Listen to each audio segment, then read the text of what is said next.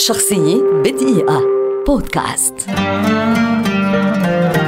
أرخميدس عالم طبيعة ورياضيات وفيزيائي ومهندس ومخترع وفلكي يوناني شهير ولد عام 287 قبل الميلاد ويعد واحدا من كبار العلماء في العصور القديمة الكلاسيكية وأحد أهم مفكري العصر القديم وأحد أعظم العلماء في جميع العصور. فنظرتنا إلى الفيزياء اليوم مستندة إلى النموذج الذي طور من قبله. يعود له الفضل في تصميم الآلات المبتكرة بما في ذلك محركات الحصار ومضخة المسمار التي تحمل اسمه ومن أشهر اكتشافاته طرق حساب المساحات والأحجام والمساحات الجانبية للأجسام إضافة إلى أنه قد أثبت القدرة على حساب تقريبي دقيق للجذور التربيعية واخترع طريقة لكتابة الأرقام الكبيرة وهو نفسه الذي حدد قيمة باي 3.14 أما في مجال الميكانيكا فأرخميدس هو مكتشف النظريات الأساسية لمركز الثقل الأسطح المستوية والأجسام الصلبة واستخدام الروافع ومن أبرز القوانين التي وضعها قانون طفو الأجسام داخل المياه.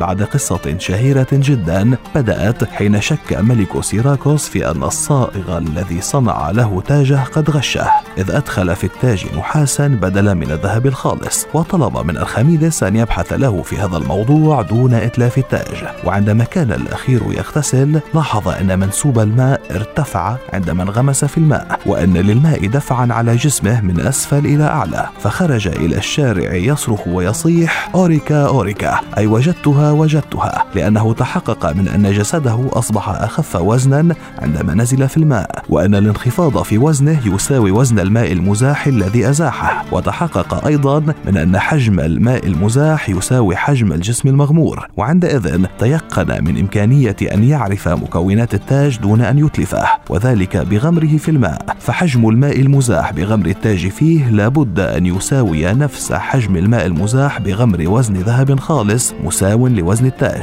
وكانت النتيجة أن الصائغ فقد رأسه بسبب هذه النظرية ووضع أرخميدس قاعدته الشهيرة المسماة قاعدة أرخميدس والتي بنيت عليها قاعدة الطفو فيما بعد.